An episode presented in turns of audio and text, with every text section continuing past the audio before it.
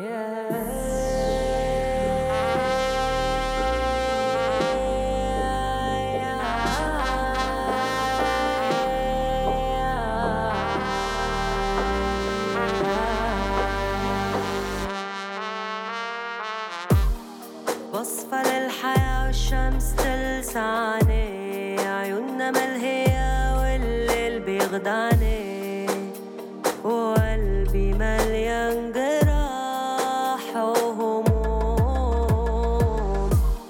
Og sæl, ágættur hlustendur Tómas Ævar Ólafsson og Halla Harðardóttir heilsa ykkur hérna úr hljóðstofu Viðsjár 5. daginn 7. desember.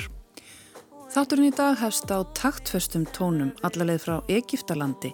Þetta er Dina Elve Didi á samt félaga sínum DJ Totti og það er ekki ástæðuleysu sem við hefjum þáttinn í Egiptalandi því að við munum halda þangað í sérluta þáttar. Já, við förum allarleið til Kæró en þar voru á dögunum opnuð stór alþjóðleg myndlistasýning þar sem fimm íslenskir myndlistamenn eiga verk. Sýningin heitir Something Else, What Then eða eitthvað annað, hvað þá. Viðsjá var með óbeinan útsendara á svæðinu, Guðuna Tómasson, sem sendir okkur skýrslu í þætti dagsins. Við leggjum einni leið okkar niður í miðbæ Reykjavíkur og stingum í nefunu á tól tónum.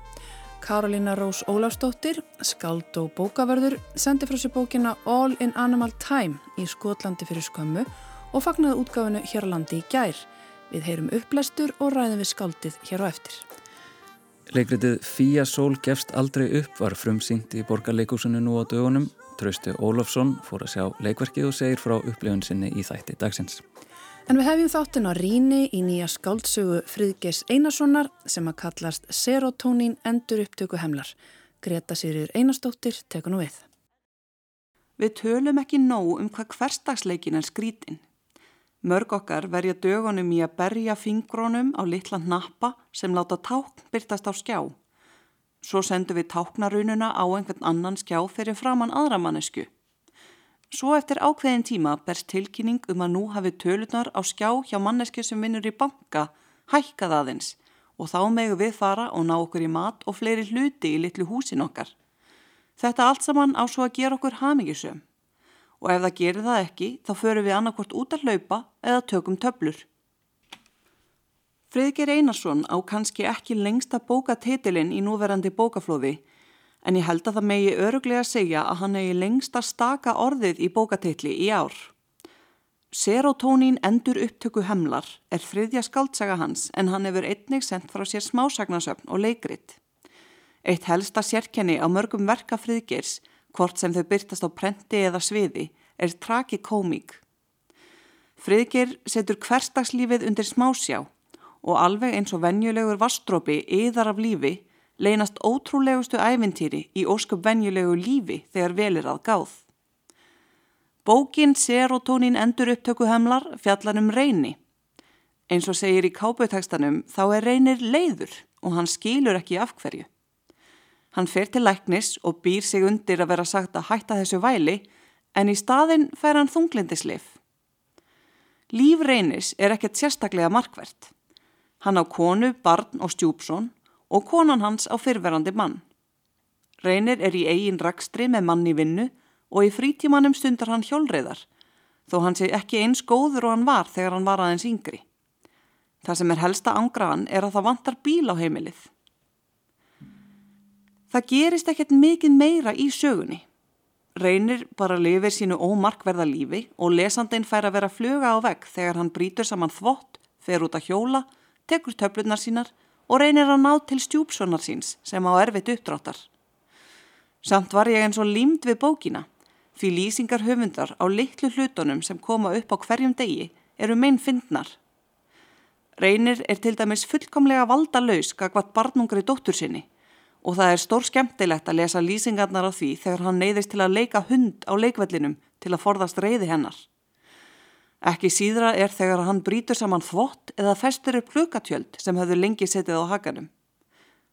Þetta hljómar vissilega ekki eins og þetta séu sérstaklega spauilega raðstæður en friðgir er afar lungin við að draga fram það hlægilega í hversteginum án þess að bæta neinu við eða draga úr.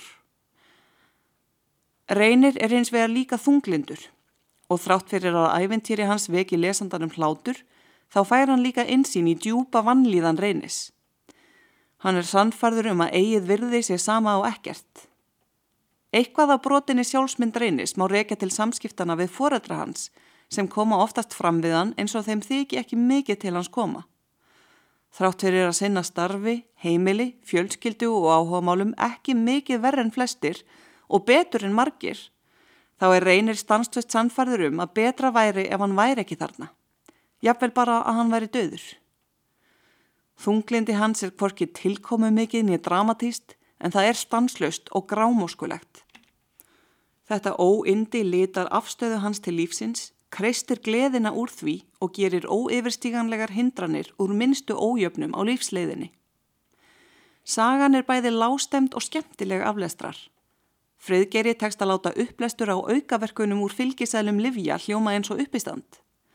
Ekki síst vegna þess hver skemmtileg bókin er, er maður smástund að átta sig á því hversu alvarlegt umfjöllunaröfnið er. Alvaran læðist aftan að manni. Þrátt fyrir að sagan hefist að því að reynis er ávisa geðlifi, er það ekki fyrir en seint í bókinni að skadinn sem ástand hans veldur honum kemur í ljós. Það er erfitt að segja nákvæmlega hvað söguþráðurinn gengur út á, því hann er bara röð hverstaslegra atvika. Sagan gerist að miklu leiti í höfðinu á reyni og spennan ríkir á milli þess sem kemur fyrir hann og hans eigin tólkunar á atvikum sem eru án undantekninga alvarlegri en lesandi geti haldið. Bókin er frekar stutt og næra halda aðtiklinni allan tíman án þess að vekja aðtikli lesandans á skorti á spennu í fléttunni. Serotonin endur upptöku hemlar er stór skemmtileg bók þó lástemt sé.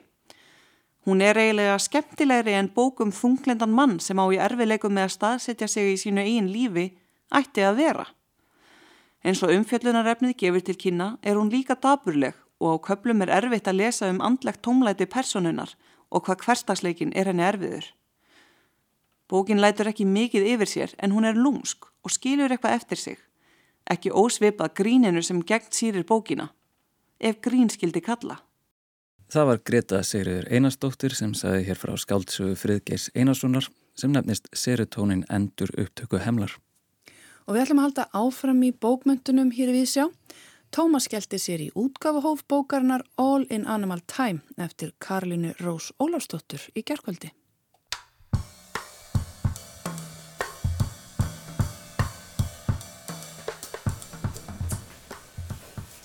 In the swimming pool showers, we've left our shoes outside, socks off first on the white tiles, we undress in harmony. Look at us now, four generation in our underwear, turning the tap everyone sees naked, breast, stomachs, showering scriptures of blue stretch marks across bellies, reading devotions to these shapes. We are one, pussy, big toe, body, scrubbing, rubbing our pubic hairs in sync, coming clean together, plus curves, sway, bending, borrowing shampoo. This is wisdom. Loose hair and lint evaporates. Here everything is holy. Our knees even. The fingers find nooks, skip no body part. One body reminds another to use soap, frothing white. Look at us. Now we are wet and one body for a moment. The shuffle of towels divides us up again. Clean, clean, clean again. We are us, not one big anymore. Slowly leaving. It is again holy to have borrowed extra volume shine conditioner from a stranger, tying your shoes to walk into the day smelling like her.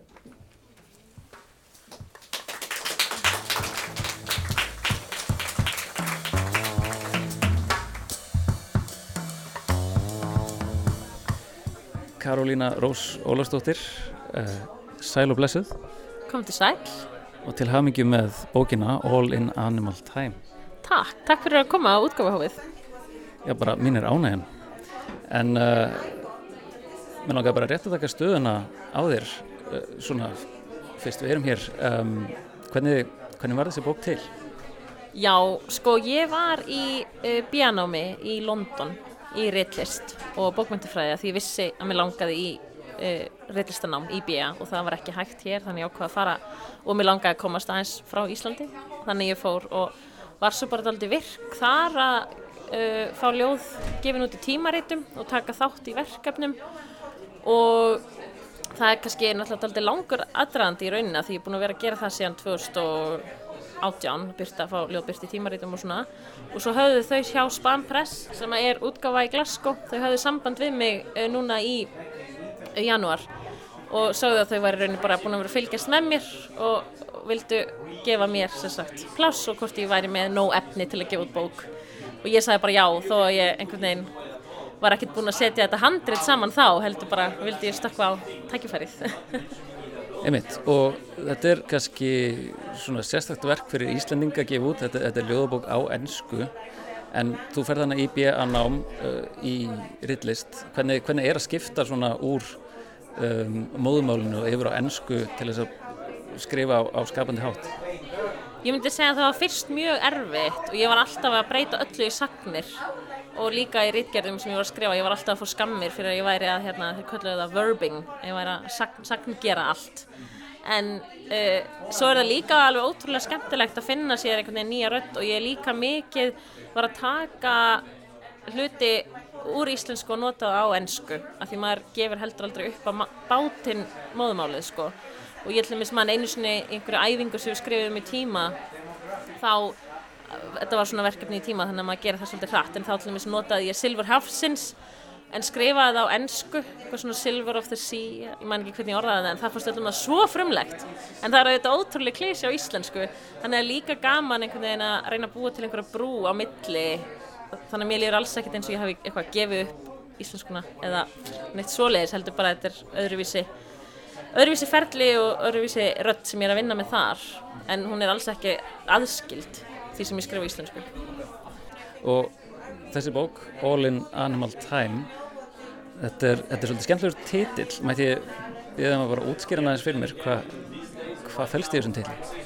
Já, bókin er aldrei mikið að fjalla um svona samskipti við, ekki bara umhverfið heldur líka á, maður á svona senur í þessari bók með einhverjum litlum ormum og dýrum og svona reyna, ég er að reyna líka að draga aðtökla að því smáa og hvernig hefur áhrif á stóra. En svo var ég bara einhvern veginn alveg, hún átti fyrst að heita eitthvað allt annað sem var miklu óþjálla uh, en svo var ég skrifað í eitt ljóð, það er til þess að titi ljóð í bókinni sem heitir All in Animal Time. Og í rauninni kemur það úr hérna lægi eftir David Berman sem er í hljómsveitinni Silver Juice eða var í þess að hann er dáinn. Og þar er lína hérna í lægi sem heitir People sem að hérna rosalega fallegur texti í henni en ein línan er eitthvað svona allt sem við þurfum bara að gera er sem sagt að synchronize to animal time. Og þá var ég alltaf inn að hugsa um já, animal time, það er svo mikið dýratími eða öðruvísi tími er eitthvað sem ég mikið að díla við í bókinni og þá endanum kom ljóðið All in Animal Time. If you wanna renovate your background mind A federal woman needs municipal man. People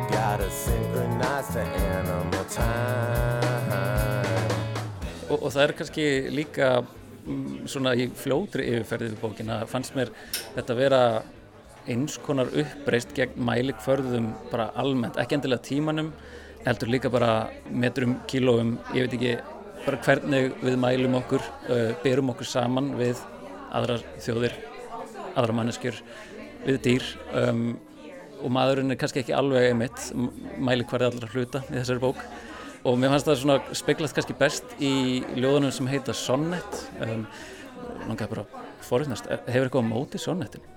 Nei sko, það eru sem sagt hvort það séu fimm sonnettur í bókinni. Og þetta eru sko í rauninni greinamerkja sonnettur af því að það er, það heita allar sonnet, tvípuntur, sonnet, semikoma, eitthvað svo leiðis og og þarna var ég jú, í rauninni að brjótast að þess að móti sonnetu forminu með því að í stæðin fyrir að hafa 14 línur þá hef ég, þá hef ég þetta greinamerki 14 sinnum í sonnetunni og þá var ég, þetta hugmyndin kom einmitt þann að ég var í, í náminn úti sko því að líka brest námir svona lætum mann fara í gegnum alls konar grunn áfanga líka. Og þá var eitt þess að við þurftum einmitt að skrifa sonnetur og hérna sestínur og villanir og eitthvað svona og mér fannst það alveg það var rosa frustrerandi áfangi þegar maður þekkir ekki formin vel sko en svo fór mér raun að þykja mjög vænt um það því að þá fór maður líka að hugsa ok, ef þetta er byggt á einmitt tölum hvernig getur maður mælt, mælt sónutu og öðru mælikvarðan í línum? Og auðvitað náttúrulega er líka hefðbundin uh, rithmi og svo leiðis en fólk er nú farið að færa sig frá því sónutinni hvort þið er. Þannig að mér ást það spennandi, já, æmitt að reyna að finna sónutinni uh, nota sama, sama númer en finna það í nýtt form? Það er kannski líka ákveðin stemming sem að ég var varfið var svona mannaldar fílingur um, það er þarna Alexa kemur mikið fyrir í einu ljóðinu og svo er uh, talað svolítið til algoritmans. Uh, en á sama tíma er þetta bók um dýr og þeirra tímaskal og þeirra upplifun kannski á veröldinni. Ertu ykkur samtalið þannig við um, já kannski stöðu nútímans gagvart náttúrinni?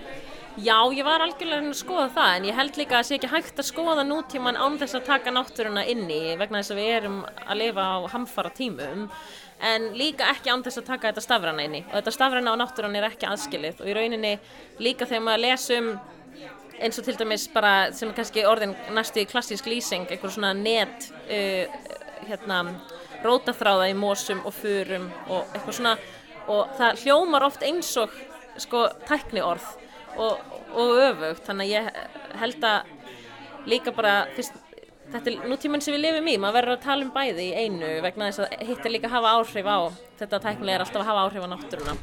Og við erum að hafa svo mikil áhrif á náttúruna en við erum svo mikið um þetta að lifa á þessu tæknilega. Það er bara, það er ekki hægt að aðskilja þetta í mínum huga sko, þannig að já, ég reynir svona að leika mér aðeins við það sko, án þess að fara út í algjörlega Uh, líka ég er ekki beint að gaggrýna þetta teknilega heldur af því það, það er líka orðin svo stór hluti á okkur lífa manni þykir væntum að geta facetimeað á ömmu sína eða eitthvað. Ég hefði ekki lengra í bíli uh, inn, aftur innilega til hamingi með bókina og takk fyrir mig. Takk kærlega fyrir.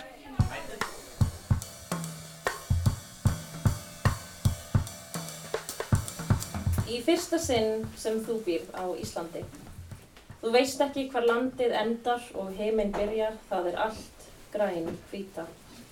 Þetta er ekki dómstags veður, svona er það bara að kissa norður heimskvöldsbaug í februar og mars. Ég nálgast ring úr einsfermetra eldúsinu, á viðar líkis flísunum híjana, þrývíð og flögtandi, hún er almynd og þú hefur nú þegar fóðrað hana. Gefið henni afa, minn sem rjúpu og ég er brjáluð. Auðvitað vissir þú ekki að við breytumst í grjót, rjúpur. Við gætum verið mold, podlar, fléttur, elskan. Almyndin er ekki hrætt við mig. Liftir rjúpuvæng af gólfinu og stríkur á mér kalvan, er mjúk. Stekkur yfir lítinn inniskó á ganginum og gufar upp eða flýgur, ekki viss. Skilur eftir bröðmóla blóð sem þú eldir og býr þig undir að þrýfa en hnerrar í staðin Vá, cool hologram, segir þú. Afi, segir ég. Hnerrar, þú ert kvefaður aftur og það er mér að kenna sem sannfæri þig um að flytja á þennan stað sem er allt of kaldur fyrir stór, blackout, kattardýr.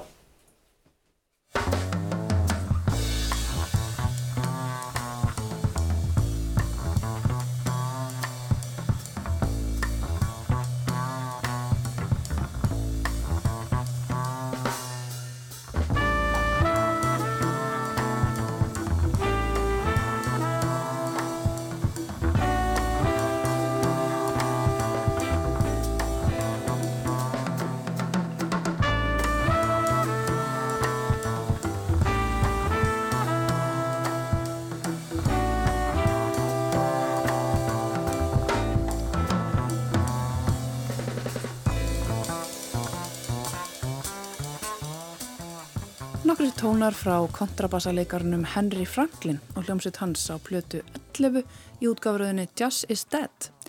Þar undan rætti Tómas við Karolínu Rós Ólafsdóttur um bók hennar All in Animal Time. En næstur á mælindaskrá er Trausti Ólafsson, inn af leikúsrínum þáttar. Við gefum honum orðið. Getur þú hugsað þér jól án bóka? Er spurt á forsýðu bókatíðinda sem enn eitt árið flytja samanþjappaðar upplýsingar um fjöldan allan af bókum sem bókaunvöndum gefst kostur á að kaupa nú fyrir hátíðirnar. Svar mitt við þessari spurningu nei. Ég get kannski hugsað mér hvernig jól væru án bóka En ég vil hafa bækur í kringum mig á jólunum. Bækur eru svo mikilvægar. Reyndar ekki bara á jólunum heldur allt árið um kring og alla okkar æfi. Bækur veita okkur indi, fríð, gleði og óendanlegar upplýsingar og auk þess það sem kannski stiftir mestu máli. Það er auðga ímyndunararblokkar og ebla hugsun okkar. Ég held nefnilega að það sé miskilningur að orð séu til alls fyrst. Það er ímyndunarafli sem er til alls fyrst og það er ekki fyrir en það hefur hreift við huganum að orðin koma til sögunar og reyna að festa hugsununa í ekkert form. Bókatíðindi í árbyrja þess vott að hér á eigunni eru gefnar út alveg hreint ótrúlega margar bækur sem ætlaður eru börnum alls konar bækur sem vonandi rata sem flestar til sinna. Sumar þessara bóka munu sjálfsagt fljótt gleymast og hverfa í glemskunar dá, en kannski leynast þarna einhverjar perlur sem eiga eftir að gleiðja börn, þroska þau og ebla huga þeirra um mörg ókomin ár. Þannig bækur eru sögur Kristínar Helgu Gunnarsdóttur um fíusól. Ég viður kenna að ég hef ekki lesið eina einustu þessara bóka um stelpun og óstýri látur sem aldrei gefst upp. En ég hef komist að því með fyrirspurnum og eftirgrenslan að Fíasól er vinsalsögu hetja sem afskaplega mörg börn þekkja og hafa aðdáðan á.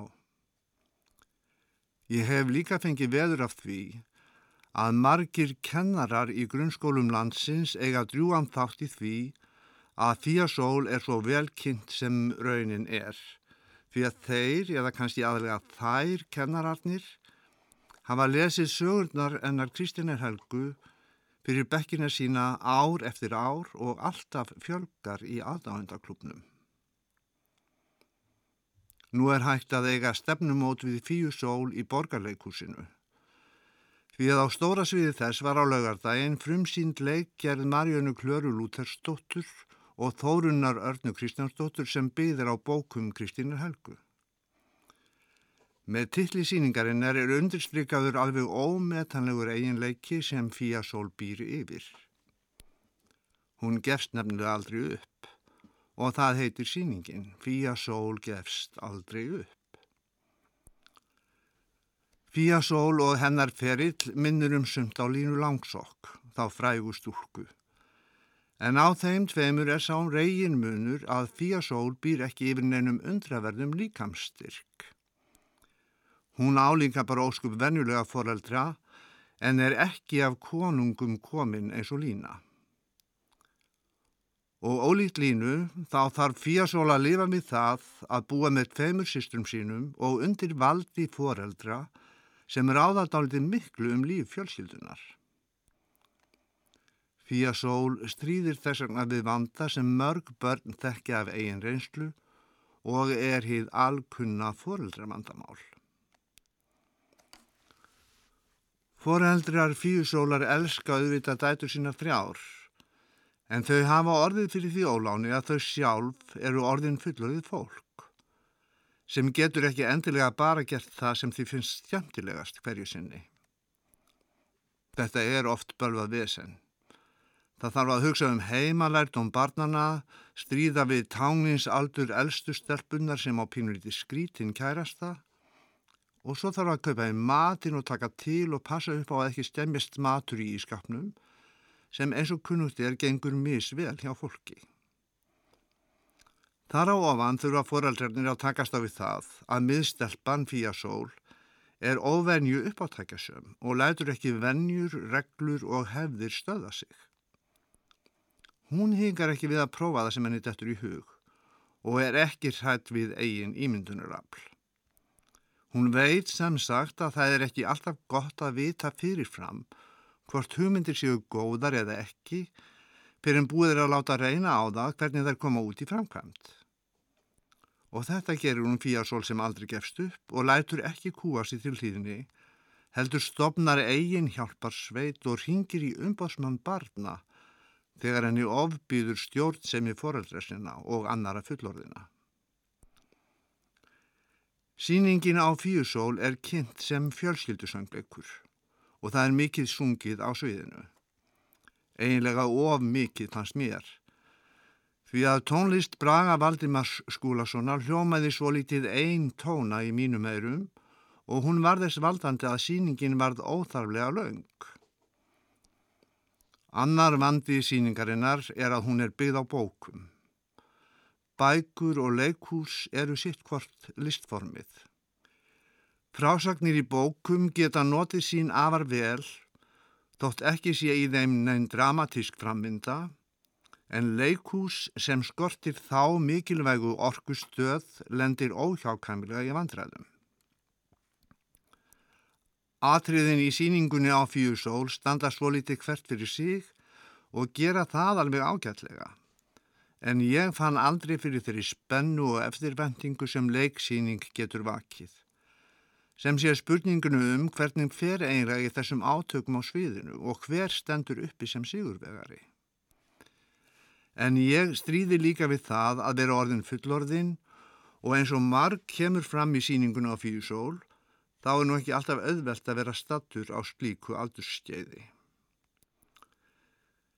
Mínar fullorðins aðfinnslur breyta því ekki að það gerist margt mjög skemmtilegt á sviðinu þegar fíasól lætur að sér kveða og af því geta áræðanlega heilu fjölstjörnunar haft ánægi og gleði. Aðstendendur síningarinnar á fíusól eru svo margir að nær ógerlegt er að telja þá alla upp í svona stuttu spjalli en mér sínist að þarna hafi starfað saman samhend áhöfn á leikhús skútu borgarleikhúsins. Þórun Arna Kristjánsdóttir heldur um leikstjórnartöymana og hún hefði að þér mér finnst mátt vera óhættari við að beita ofurvaldi leikstjórans til þess að stitta síninguna og gera framvindu hennar svo litið odd hvassari. Og draga úr endurtekningum sem urðu of ábyrrandi í tónlistinu og dansatriðunum sem Valgerður Rúnarsdóttir er höfundur að. Eva Signý Berger hannar leikmynd sem gaman er að horfa á og þar sem ringsviði leikhúsins er nýtt stjæmtilega. Júlíana Laura Stengrimsdóttir sér um búningana, Pálmi Jónsson, Lýsingu Þorbjörn Stengrimsson, hljóðmyndina og Elín S. Gísladóttir gerir leikgerfi. Allt faglega og fumlaust gert. Það ræður stundum og kannski oftast úrslitum um það hvernig leikúsgestum fellur síningi geð að leikararnir á sviðinu stafið frá sér þeirri tilfinningu að þeim finnist gaman að vera þarna uppi á pallinum að leika fyrir okkur. Og þetta gerist vissulega í síningunni á fíusól. Leikhópur þeirra fullordnu er örugur og tröstur og þau fjöldamörgu börn sem taka þátt í síningunni stjæmta sér líka vel og njóta ávakstana af laungum og áræðanlega oft ströngum æfingum. Þess ber líka að geta að sá hópur barna sem kom fram á frumsýningunni á Fíusól var mjög stemtilega samansettur. Þarna var langt frá því að allir væru feldir í sama mótið, heldur voru börnin bara allskonar sem mér fannst gott að sjá. Og að lokum Hún Hildur Kristín Kristjánsdóttir sem leik Fíu Sól á frumsýningunni stóð sig afar vel í hlutverkinu og sigraði fljótt hug og hjörtu barnana í salnum. Trausti Ólafsson reyndi hér í síninguna Fíja Sól gefst aldrei upp sem síndir um þessar myndir í borgarleikusinu.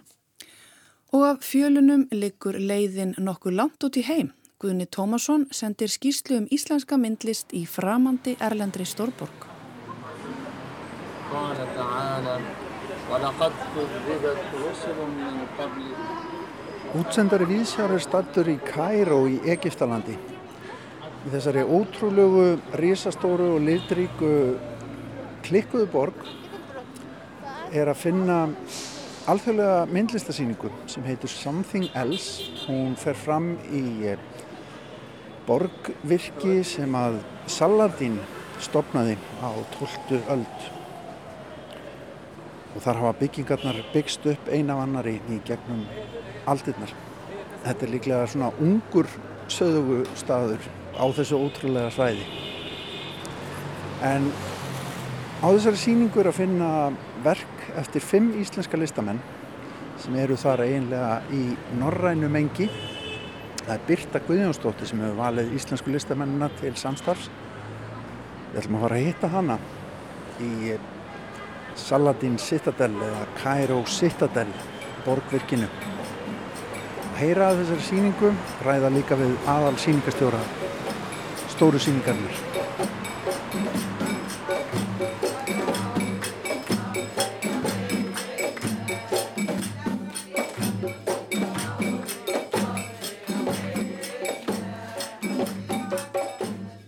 Lokinni opnun síningarinnar nægi í skottið á örþreytum aðal síningastjóra hennar, Motas Nasr. Hann er myndlistamæður og síningastjóri og stopnandi og stjórnandi myndlistabatteri sem heitir Darb 1718 í Kæru. Hann segir mér fyrst frá því hvar við erum stattir í Hallargarði fullum af opnargestum í þessu ótrúlega borgvirki á einni af hæðunum í Kæru. This is a heritage space, this is a citadel. It's carrying like six layers of the history of Egypt, different ones. From the beginning, uh, the Saladin when he was here, uh, going on through many others until the, the last was, that lived here was uh, British. Þetta er mikilvæg sögustæðu, segir Mótas mér. Virki uppalega reist af Saladin sem kallar var Saladin, norður í Evrópu á 12. öld. Virki sem síðan þróaðist áfram í meðferðum stjórnenda Eiketalands, stjórnarsetur landsins og aðaldalastaður stjórnenda þess í næri 700 ár.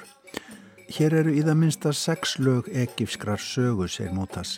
Síðastir voru hér stjórnendur Breska heimsveldisins sem sleftu takinu á landinu 1922.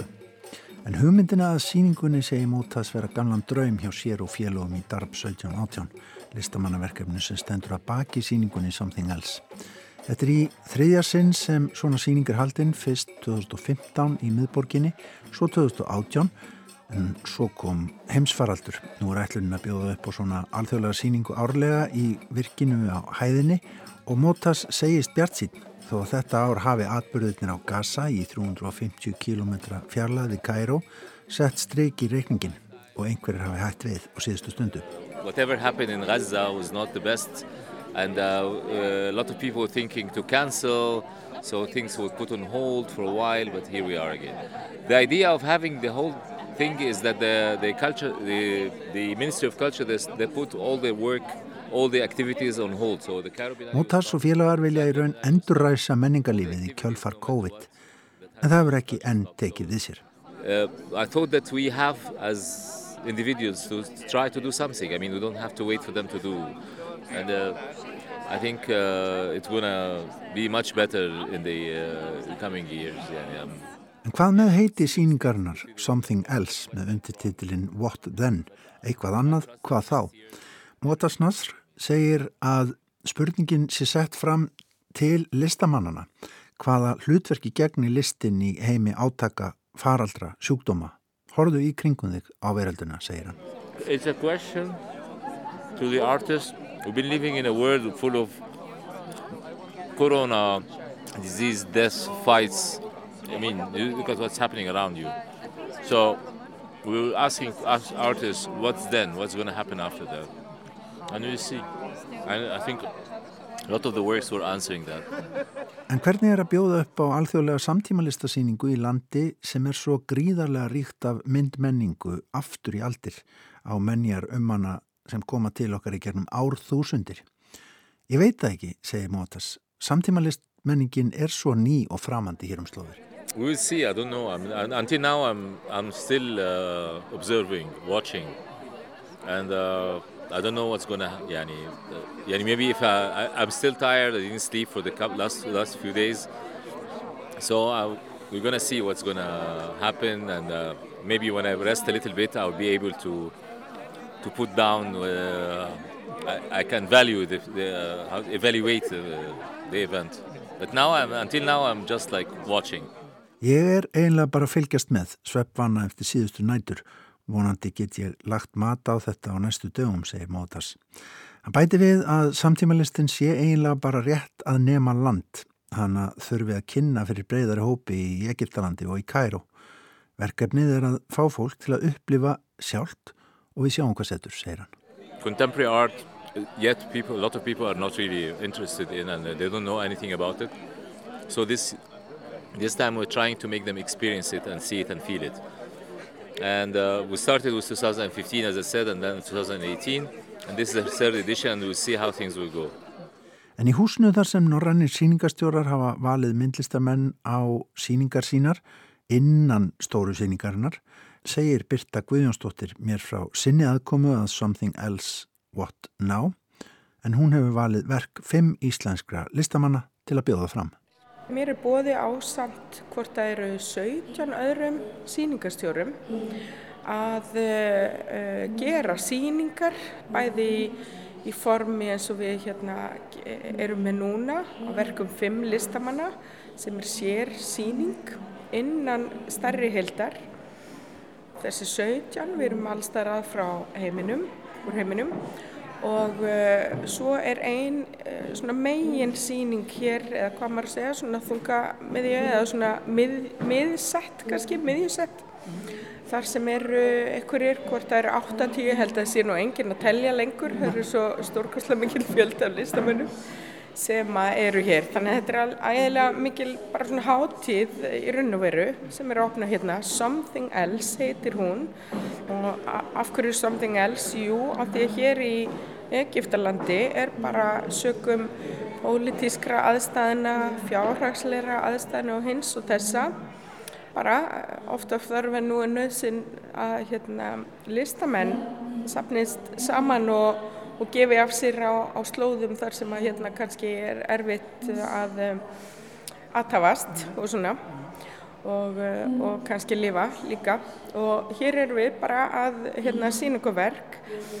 Alls konar myndlist. Hér eru hérna gjörningar um allt og svo framvegs og hér erum við að bara hérna við um svona krunga, krukka okkur saman hérna Norðurlanda þjóðurnar eins og oft vil verða sem gerir svona í gegnum líka bara hérna uh, fyrri, fyrra samstarf. En að þú spurðir að, að svona tilurinn af hverju ég er hér að þá hérna uh, kom ég hinga sem bara túristi ég meina hvert langar ekki einhvern tíma á æfinni að heimsækja Kæró, Egiptaland og Píramítana og ég meina þetta er svona bucket list aðrið og, og ég let það hérna, gerast í mínu lífi að 2018 þegar einmitt þessi nákvæmlega sama síning átti þessi stað. Þannig ég svona tíma setti mínu heimsökninga þegar uh, sömu skipilengjutur og sömu forsendum en á öðrum stað og stöðum í borginni Uh, letur þessa síningu sem þá hétt Tvíæringur. Síðan er alltaf liðið hérna COVID og fimm ár þannig að nú heitir hann bara ekki Tvíæringur leikur og hérna bara kynntist ég svo æðislegu fólki, kollegum hérna.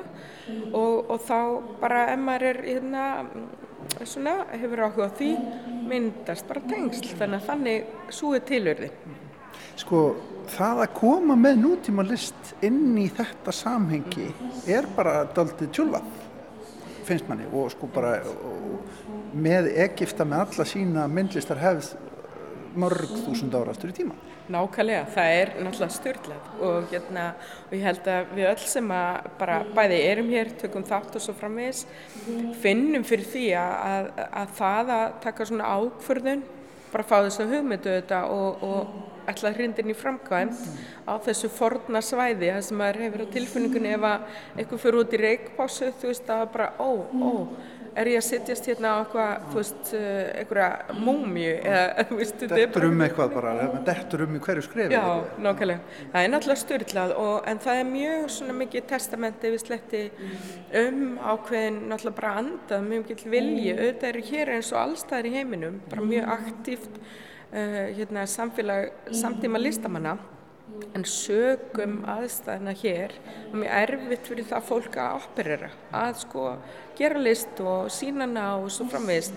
Að þetta er sko, hérna, þetta er mikilvægt fyrir okkur sem sínendur en það sem er aðalega mikilvægt í þessu er að maður er í einhvers konar, nú sko fæ ég gæsa húð sko þegar ég hugsa um þetta og tala um þetta, að þetta er svona smá, maður er svona myndur á sko mátt listarinnar mjög mikið hérna hvað uh, það eru allir að gefa af sér. Við, þetta, er, þetta er gjafa, þetta eru jólinn sko, þetta er gjafasvæði og, hérna, og við erum líka að þykja og, og, og gefa sagt, í, í því að bara kannski svona bekjana það daldi líka að hér er erfitt að, að fyrirlistina blómstra sé hún unnin hérna á síðustu 50 árum en ekki 5000 árum eða eitthvað. Þá er hún hérna... sett undir eitthvað mælikér sem er erfitt stundum fyrir hann að, að vera innan, skulum við segja.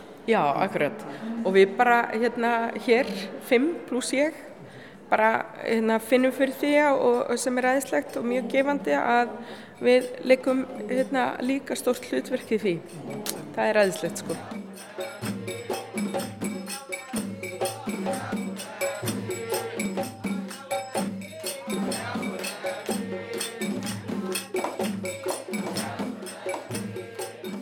Kannski bara til að nefna náttúrulega listamennina. Það eru fimm listamenn. Það er uh, Ásta Fanni Sigurðardóttir, Ástís Sif Gunnarsdóttir, Guðjón Ketilsson, Sigriður Dóra Jóhannsdóttir og Anna Júlia Fribjósdóttir. Þessir fimm listamenn uh, hérna, eru hér með verksinn sumið með tvö verk aðri með eitt í, í tveimu sölum og við heyrum aðeins í verkinunar Ástu Fanniðar. Það er talað á íslensku og það skrifa líka á íslensku í, í verkinu hans Guðjóns. Einmitt og, og uh, þar nefnir einmitt það að ég, sko, mín svona hugsun uh, með vali á verkum og, og listamennu er svo, við erum hérna náttúrulega í kannski svona vöggu hérna kannski svona hérna symbóla menningar kannski það nú ekki orð en tákmenningar tákmenningar, já takk fyrir það. Í fyrsta lagi, náttúrulega er hirtölu arabíska og skrifuð á náttúrulega allt öru eh, máli og, og náttúrulega híroglífin eh, sem að við bara líka sjáum breða fyrir í allir í borginni svo ekki sér talaðum í hérna Egiptalandssafninu stóra sem ég hef verið svo heppin að heimsækja einu sinni og vonast til að gera aftur núna og er sko, ég meina, fullkomlega endalust eh, sem sagt í merkingum bara einn dagur er eins og ég veit ekki hvað uh, einn millimeter. En, en það var svona mín hugsun bara af því að við komum alltaf frá þessu málsvæði og tölum þetta tungumál sem að 400.000 manns tala og skrifa og sem er uh, skilgreint sem tungumál í hættu, útrýmingarhættu. Jafnveg þóttu tölum það og skrifum það og það sé aktíft og lifandi tungumál. Og, og, og svona grunnurinn í síningunni er þetta svona tungumál, takk Uh, kóðar. Og, um, og minn hugsun líka að verkinn tali saman sín á milli. Þannig að eins og Guðjón Ketilsson verk sem við erum hérna beint fyrir fra, með fyrir framann okkur að það er í raun og veru að gera hann teikningu. Teikningin er beint á vegg en hún verður hluti af arkitekturnum tímabundið. Í þessari byggingu sem er einmitt hérna uh, líka svona ofinber bygging sem þetta var og, og hérna á svoleiði svæði sem er slíkar skiptamáli og þarna er í raun og veru texti notaði sem teikning og hér náttúrulega gerir maður ráð fyrir ég hugsa ég og þú og, og Anna Júlia sem er stött hérna séum hugsanlega mögulega eina fólki kannski í Egiptalandi akkurat þessa stundina sem getum hugsanlega mögulega skilir þennan texta Það er ekki rosamarkir allavega. Nei, ekki rosamarkir. Og, eh, og uh, hér er verk eftir hennar Sigriði Dóru og hún til dæmis gerir verk sérstaklega fyrir síninguna. Hennar verk uh, er þannig tilkomið að hún bauð konu á sírlenskum uppruna sem er flótamæður á Íslandi, ung kona sem að flutti til Íslands til Reykjavíkur fyrir 2-3 árum. Verk Sigriðar er hérna eins konar teikning sem lítur og fjarska út fyrir að vera uh, texti en er í raun teikning af hennar svona bara eins og til uh, svona upplifun af því að sitja með þessari ungu konu sem saðinni á arabísku sem er tungumál sem að Sirius skilur ekki, uh, frekar en ég eða kannski þú um, frá sem sagt uh, hérna bara sínum upplifunum löngunum og þrám, sorgum og gleði og svo framvis og Sigriður er þarna með hérna hvít af fjóri blöð og teiknar og teiknar á mörg af þeim og sýnir hér svona bara eins og, já, svona eins og skrif uh, sk upplifinu eitthvað skona með penna, tengt náttúrulega svona óselraðri skrift. Anna Júlia er hér að vinna með, er í, með verkið tveimur sölum og bæði verkin þau ganga út frá, uh, sagt, um, ég veit ekki hvað það heitir á íslensku, The International Code sem að sumir þekkja kannski morskóða, svona langt stutt, langt, langt stutt. En, hérna, en þessi kóði sem kannski færri þekkja, hann er svona aðeins ídarlegri. Hann er ekki, þú veist, hjálp uppröpunumerki, heldur segir hann setningar. Og Anna Júlia er, er í þessum verkum, hún notar setningar úr þessum kóða sem eru alltjóðleir og, og eru notaðir aðalega í svona hjá sæfurum. Að, hérna, þar sem hún uh, uh, gatar uh, sagt út úr mjög svona kalkipappir, mjög hérna, viðkvæmu efni sem hangir hér í lofti og verður líka á eitthvað nátt svona mitt að millið þess að vera textilverk í raun. Og við erum líka að nota, hún er líka að notast við sem sagt dagspyrtuna hérna sem að skýn í gegnum pappirinn og í gegnum göð sem hún gerir eftir þessum kóða og hún er að notast við setningar úr þessum uh, kóða og það eru teknar úr samhengi og settar í svona kannski ljóðurrænt samhengi. Það eru afskaplega ljóðurrænar en mjög svona, áhugaverð finnst mér svona áhugaverð svona díalókar á milli sko framsetningar sem er alveg súper svona þurr en, en ber í sér ef maður vil lesa það þannig mjög svona bara eiginlega svona uh, hérna existentialískar tengingar Öðru, andra línu, linja inn í augu í mín öfna mín with other lines into my eyes Ásta Fanni, verkið sem við heyrum í hérna, þetta er verk sem kalla fingrasetning á íslensku og þar sér maður hendinni á henni bræða fyrir í verkinu, þetta er svona kannski þryggja mínútna verk, vídeo með hljóði og hún talar sjálf, hún talar á íslensku, ennsku og dönsku. Og hún hreyfir fingurna eins og hún væri með penna í hönd en sem hún er í raun ekki. Það er svona svo luftgitar nema lufttekník uh, og uh, svo sér maður tekstanum sem hún hérna sem sagt les upp á bregða fyrir og þetta er uh, eitt af mörgum ljóðum, hún er listamæður sem að vinnur kannski má maður segja svona þvert sem ljóðuskald, sem performance listamæður og myndlistamæður og með ýmsa miðla. Ásti Sif í hinnum salnum gerði líka verk sérstaklega fyrir síninguna Ég lappaði hérna um með hana í símanum á netinu þegar nettenging gefst og þegar við erum svo heppin að vera með ramag hérna í sölunum sem er nú ekki alltaf um daginn að þá hérna var hún búin að undirbúa það. Það lappaði ég með minn síma í síningarýminu og hún tók upp í rauntíma og hún var sjálfstött í, í gardinum í kringum ásmundarsal við Freygutu og svo tók hún upp heima hjá sér og uh, les upp í verkinu sagt, uh, texta, ljóð sem hún samti nýlega sem er uh, hérna, innblási af þúsund og einni nótt arabískar nætur aftur tenging svona hingað og fjallat aldrei um það bæði í mynd og líka í ljóði að hérna að kannski svona smá Jónasar Hallgríms týpa hérna að ferðast en vera á sama stað eða þannig Þannig ég er rosalega ána með, hérna, með uh, þessa listamenn og mér, já, það er svona tengingin sem sagt. Já.